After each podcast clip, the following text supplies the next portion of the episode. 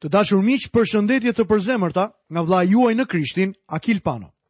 Ju uroj mirëseardhje në emisionin e sotëm dhe ju kujtoj që jemi duke vazhduar studimet tona në fjalën e Perëndisë nga letra e parë e apostullit Pal drejtuar Korintasve. Ju ftoj që në studimin e sotëm të mund të qëndroni së bashku me mua për gjatë minutave të këtij emisioni në mënyrë që të mund të shohim së bashku se çfarë Perëndia ka pregatitur nga fjala e tij për ne sot. Sot do studiojmë në kapitullin e 12 të letrës së parë të apostullit Pal drejtuar Korintasve. Pajisja dhe dhuratat është tema e këtij kapitulli. Pjesa e parë e letrës së parë të Korintasve fliste për mishin.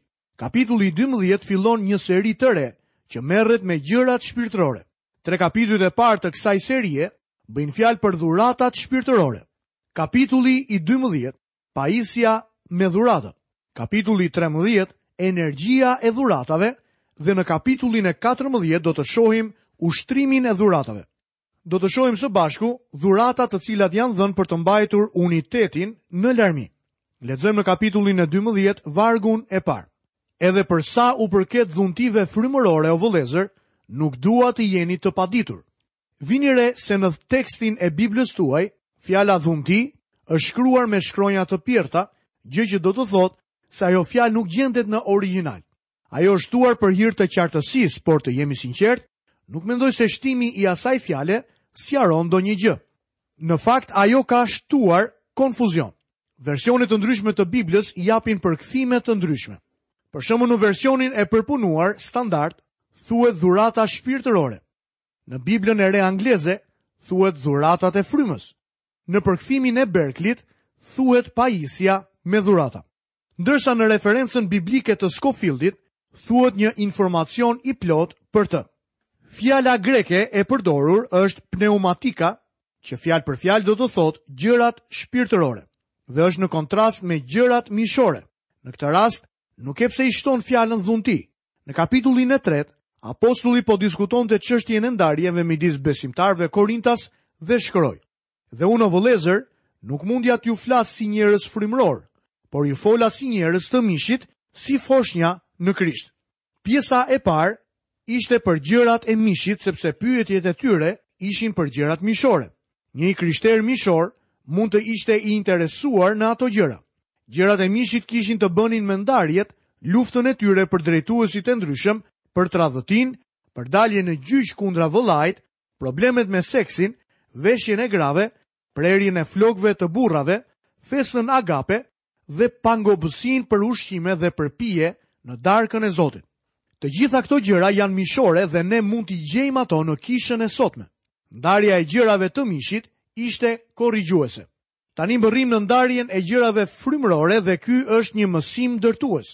Apostulli Pali ishte i gëzuar për ndërrimin e subjektit. Mendoj se kur ka mbërritur në kapitullin e dymbëdhjetë, ai ka lëshuar një psherëtim çlirimi. Ai ishte i gatshëm të diskutonte me ta probleme të tjera, por në të vërtetë ai donte të fliste me ta për gjërat shpirtërore. Kisha moderne, ose e thënë ndryshe kisha e ditëve të sotme, ka nevojë të ndryshojë të njëjtat subjekte të vjetra që janë diskutuar. Në një mënyrë shumë të sofistikuar, mësuesit e krishterë Thonë që ne duhet t'u flasim të rinjve për seksin. Miqtë e mi, do të ishte më mirë sikur t'u flisnim atyre për gjërat shpirtërore. Në kisha ka kaq shumë programe që nuk i sjellin të rinjtë afër Biblës. Ata bëjnë konferenca ku gjërat mishore janë çështja më popullore ose më trendi për momentin. E gjitha kjo është një shenjë e mishit. Në këtë pjesë Pali do të prekë tre subjekte, fryma e njëjtë, ligji i dashurisë dhe triumfi që ka besimtari në ringjallje. Dhuntitë e frymës janë thjesht një nga gjërat frymërore. Do të lexojmë më poshtë në vargun e dytë. Ju e dini se kur ishit paganë, tërhiqeshit pas idhujve të pagojë nën shtytje të çastit. Idhujt nuk kishin zë. Ata ishin të pagojë. Kini parasysh se më parë, apostulli tha se idhujt ishin një hiç. Kjo ishte arsyeja pse mishi i flijuar idhujve nuk ndotej. Idhujt nuk ishin asgjë. Fatkeqësisht, jo të gjithë e kuptojnë këtë. Në Psalmin njëqind e pesëmbëdhjetë, vargu i pestë, psalmisti thotë, Ata kanë gojë por nuk flasin, kanë sy por nuk shohin. Dëgjoni se çfarë shkroi profeti Habakuk. Çfarë dobie sjell figura e gdhendur, kur gdhendësi që e ka bërë, apo një figurë e shkrirë që të mëson gënjeshtrën që punuesi i saj të ketë besim tek puna e tij, duke fabrikuar idhuj të heshtur. Fakt interesant është se ai do të flasë për dhuratat që Zoti i gjallë u jep besimtarëve. Pra së pari, ai u kujton atyre se si më parë ata tërhiqeshin nga këta idhuj të pagojë. Lexojmë më poshtë vargun e tretë. Prandaj ju bëj të ditur se askush që flet në frymën e shenjtë nuk thotë, Mallkuar qoftë Jezusi, dhe asnjë nuk mund të thotë, Jezusi është Zot, veçse në frymën e shenjtë. Këtu jepet një e vërtetë e madhe, një e vërtetë absolute për jetën e krishterë. Zotërimi i Jezu Krishtit. Askush që flet në frymën e shenjtë nuk thotë, mallkuar qoftë Jezusi. Ti nuk mund ta nënvleftësosh Jezu Krishtin me anë të frymës së Zotit. Kjo nuk ka për të funksionuar. Gjithashtu, asnjë nuk mund të thotë Jezusi është Zot, veçse në frymën e shenjtë. Sigurisht që ne mund të shqiptojmë fjalën Zot, por kini parasysh se Zoti Jezus tha, Jo çdo njeri që më thotë, Zot, Zot, do të hyjë në mbretërinë e qiejve, por do të hyjë ai që kryen vullnetin e Atit tim, që është në qiej. Shumë do të më thonë atë ditë, O Zot, o Zot, a nuk profetizuam ne në emrin tënd? A nuk i dëbuam demonët në emrin tënd? A nuk kemi bërë shumë vepra të fuqishme në emrin tënd? Dhe atëherë, unë do t'u sqaroj atyre, Unë s'ju kam njohur kurrë. Largohuni nga unë ju të gjithë që keni bërë paudhësi. Pse do të ndodhë kjo? Sepse shprehja e tyre është sipërfaqësore. Zoti Jezus nuk është në të vërtetë Zoti i tyre. Bërja e Jezusit Zot të jetës tënde është një bindje e zemrës. Cila është e vërteta kryesore e besimit të krishterë? Disa njerëz thonë se është kryqi i Krishtit, por unë nuk bie dakord me ta. Edhe pse shkojmë te kryqi për t'u shpëtuar, ne nuk qëndrojmë atje. Ne bashkohemi me Krishtin e gjallë. Kjo është gjëja më e rëndësishme. Dëgjoni se si e mbylli mesazhin e tij Simon Pjetri në ditën e Pentakostit.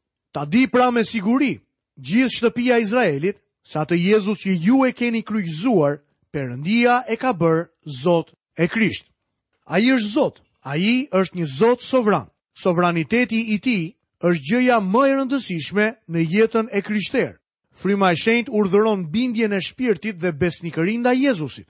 Kisha e vërtetë përbëhet nga ata njerëz që janë mbledhur së bashku rreth të vërtetës që interpretohet nga Fryma e Shenjtë. Fryma e Shenjtë interpreton në jetën time sundimin e Zotit Jezus. Kini parasysh pyetjen e madhe që bëri Krishti. Kush thoni ju se unë jam? Jezusi bën ende të njëjtën pyetje. Ti mund të kesh çdo zotërim, çdo ngjyrë dhe çdo status në jetë, kushdo qofsh, kudo që ti jesh, sido që të jesh, Jezusi po të pyet. Kush mendon se jam unë? Ai i bëri dishepujve të tij të njëjtën pyetje dhe Simon Pjetri foli për të gjithë grupin. Ai tha, Ti je Krishti, Biri i Perëndisë së gjallë. Ai është i vajosuri, ai është mbreti, ai është Zoti. Askush nuk është në gjendje të shërbejë në kishën e Krishtit, nëse jeta e tij nuk sundohet nga Jezu Krishti. Ne e pamë këtë në fillim të kësaj letre. Pali e thekson këtë gjë sërish. Puna bashkuese e Frymës së Shenjtë sot është të zbulojë sundimin e Jezusit për të gjithë besimtarët. Brenda këtij uniteti ka dhunti të ndryshme. Lexojmë vargun e katërt. Ka larmi dhuntish, por i njëjti frymë. Ekziston një shpërndarje e dhuntive. Në mënyrë që të kemi unitet, Perëndia, përmes frymës së shenjtë, i jep larmi dhuntish për individë të ndryshëm. Fjala greke për dhuntitë është karizma. Disa njerëz përpiqen të zbatojnë këtë fjalë për gjuhët e tjera ose thënë ndryshe për gjuhët e panjohura dhe ata flasin për lëvizjen karizmatike. Kjo zbulon paditurinë e tyre, sepse kjo fjalë i referohet të gjitha dhuntive që u jep Fryma e Shenjtë besimtarëve në kishë. Lexojmë vargun e pestë. Ka edhe larmi shërbimesh, por është i njëjti Zot. Ka larmi shërbimesh, por i njëjti Zot, Zoti Jezu Krisht. Nuk ka rëndësi se çfarë dhuntie mund të kesh, Zoti Jezu Krisht do ta përdorë atë dhunti për lavdinë e tij. Lexojmë vargun e gjashtë. Dhe ka larmi veprimtarish, por është i njëjti Perëndi, i cili i bën të gjitha gjërat në të gjithë. Ka larmi veprimtarish, por i njëjti Zot që punon në të gjithë dhe është ai që punon tek besimtarët. Kjo na kujton se është vetëm një Zot dhe ai është Trini. Trinia punon së bashku. Ata janë unitet. Vini re këtë. Fryma e shenjtë i dhuron dhuntitë. Zoti Jezu Krisht i administron dhe ato drejtohen prej tij. Ai është kreu i kishës. Ati Perëndi siguron fuqinë dhe i jep energji dhuntive. E gjitha kjo bëhet për një qëllim, lartësimin dhe lavdërimin e zotërimit të Jezu Krishtit. Lexojmë më poshtë vargun e shtatë. dhe secilit i jepet shfaqja e frymës për dobinë e përbashkët. Së pari le të përkufizojmë se çfarë konsiderohet dhunti. Çfarë është një dhunti e frymës? Dhuntia është kapaciteti për të shërbyer. Ajo është një punë. Dëgjoni pak përkufizimin e doktor Lewis Sperry Chafer. Një dhunti në kuptimin frymëror është fryma e shenjtë që bën një shërbesë të veçantë përmes besimtarit dhe e përdor besimtarin për ta bërë atë. Kësaj do të doja t'i shtoja se kjo duhet bërë në fuqinë e frymës së Zotit. Për ta personalizuar këtë, mjafton të themi: Unë nuk jam asgjë, nuk kam asgjë.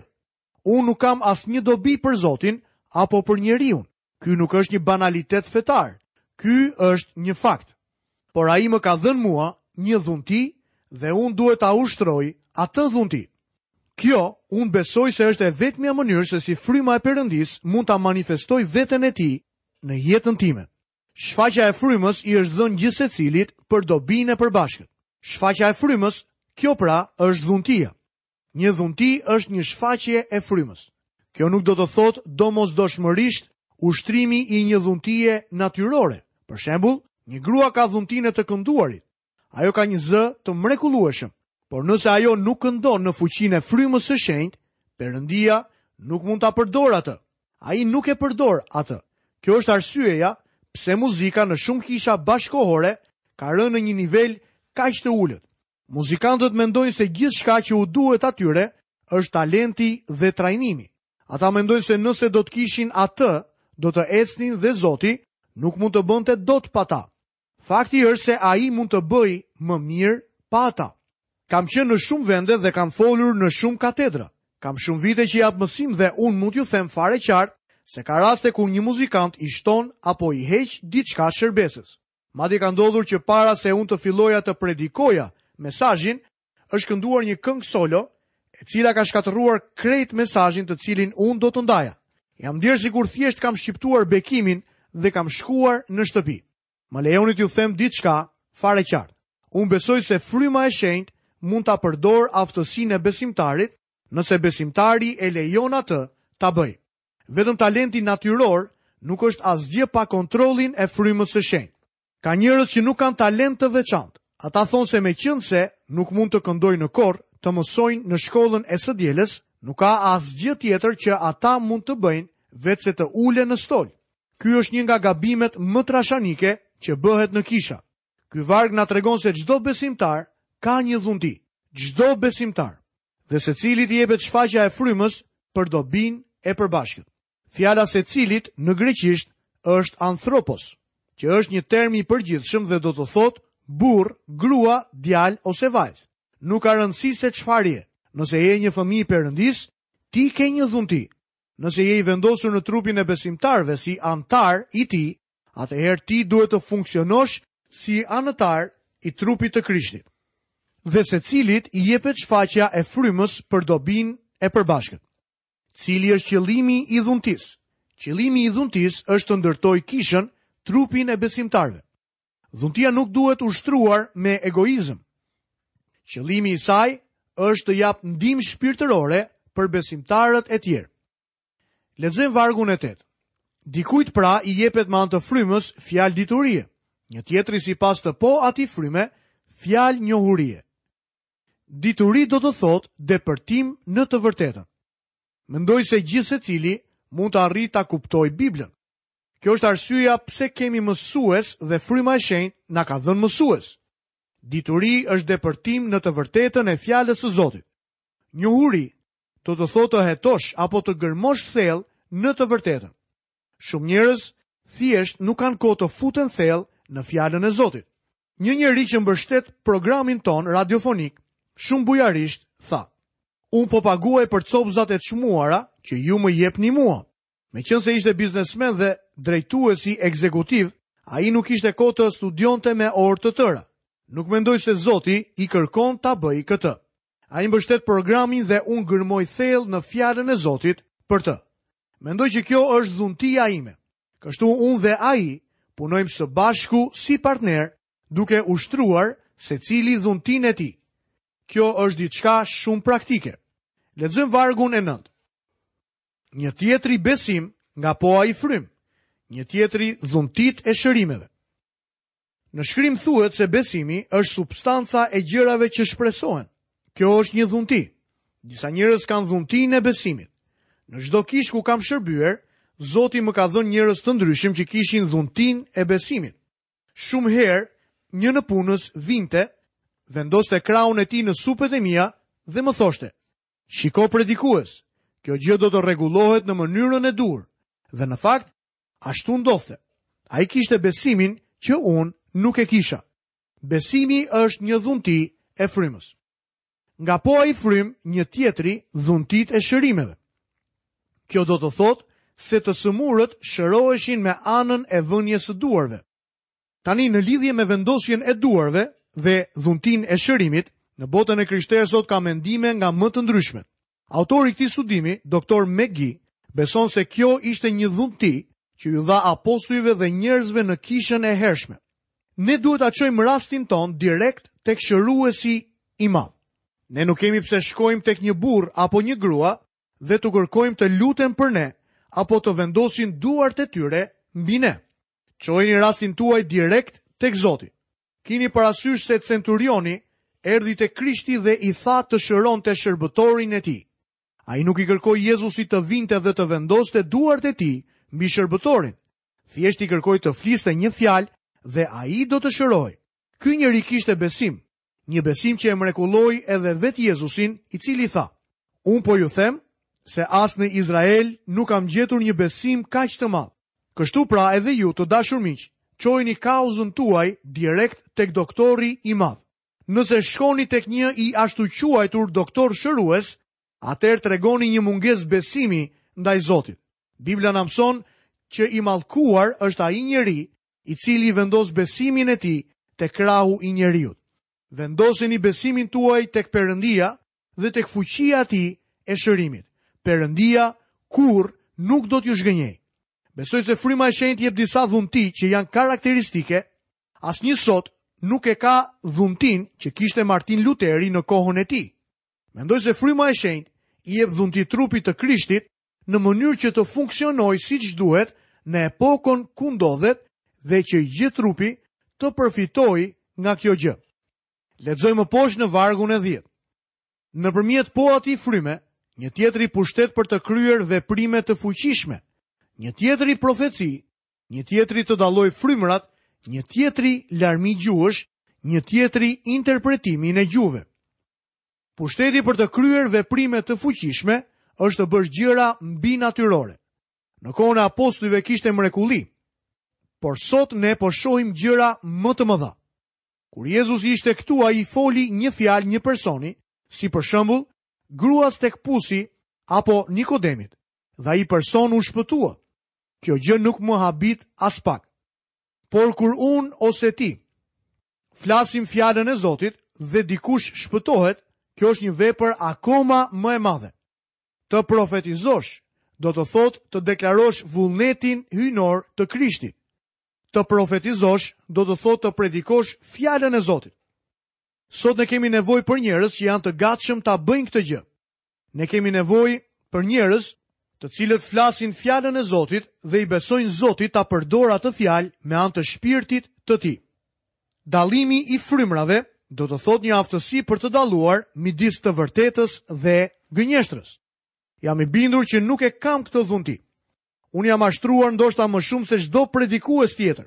Unë i kam besuar njerëzve, disa predikuesve apo nëpunësve duke menduar se ishin të sinqertë, por në fakt jam gabuar. Për pasojë jam zhgënjyer në mënyrë të tmerrshme. Jam mashtruar prej gënjeshtarëve dhe njerëzve të pandershëm, për të cilët mendoja se ishin njerëz të mrekullueshëm. Por nga ana tjetër, ka njerëz që e kanë dhuntinë e dallimit të frymrave. Gruaja ime ka qenë një ndihmë e madhe për mua në këtë fushë. Ajo më ka thënë, ki kujdes këtu, ruhu nga ai person. Ose, mendoj se ky është një person shumë i mirë. Në përgjithësi, ajo ka të drejtë dhe unë e kam plotësisht gabim. Ajo ka dhuntinë e dallimit të frymrave. Një tjetër dhunti është të folurit në gjuhë. A janë këto gjuhët e panjohura? Tani sërish këtu të dashur miq vijmë në një çështje që është shumë e diskutuar dhe e debatuar në trupin e Krishtit në gjithë botën. Më duhet t'ju them që mendimi i doktor Megis, autorit të këtij studimi, është ky. Ju nuk keni për të gjetur gjuhë të panjohura në shkrim. Këto janë gjuhë të njohura, Ekzistojnë ende shumë gjuhë në të cilat Bibla nuk është përkthyer ende. Në vend që të shpenzojmë kohën duke u përpjekur të shpikim një gjuhë të panjohur, le të përkthejmë Ungjillin në të gjitha gjuhët e njohura që nuk e kanë atë në gjuhën e tyre. Disa njerëz kanë dhuntinë e interpretimit. Lexojmë vargun e 11. Dhe të gjitha këto i bën i njëjti dhe i vetmi frymë duke i ndarë gjithsecilit dhunti veç e veç ashtu siç do vetë. Shpirti i Shenjtë është sovran në të gjithë këtë. Gjithsesi, ne kemi të drejtën të lutemi për dhuntinë më të mirë. Korintasit ishin të krishterë mishorë që jetonin në një nivel të ulët shpirtëror. Ata ishin të mahnitur nga lëvizja e gjuhëve. Kjo është arsyeja pse Pali po e diskuton këtë këtu. Ai po përpiqej të korrigjonte gjërat që nuk ishin në rregull në kishën e Korintit dhe atje kishte shumë gjëra që nuk ishin në rregull. Ai po u tregon atyre se ka shumë dhunti dhe fryma e shenjtë i shpërndan gjithsecilit ashtu siç do vetë. Të dashur miq, këtu kemi mbërritur dhe në fundin e emisionit të sotëm. Ju kujtoj që jemi duke kaluar përmes kapitujve të cilët merren me studimin e dhuntive frymërore, pra çështjeve që janë të debatueshme dhe të diskutueshme në trupin e Krishtit në gjithë botën. Lutem që fryma e Perëndisë të mund të japë kuptim dhe dallim frymëror dhe të hedhë dritë në kuptimin tuaj në fjalën e Zotit në mënyrë që të mund të ecni në bindje ndaj Perëndisë dhe në fuqinë e kësaj fryme, frymës së shenjtë të Zotit, në mënyrë që të shkëlqeni dhe të ndriçoni jetën e Krishtit përmes jush. Të dashur miq, ju kujtoj që në emisionin e ardhshëm do të vazhdojmë studimin tonë nga kapitulli i 12 i letrës së parë të Palit drejtuar Korintasve. Deri atëherë, nga vëllai juaj në Krishtin Akil Pano, bashkë mirudëgjofshim në emisionin e ardhshëm.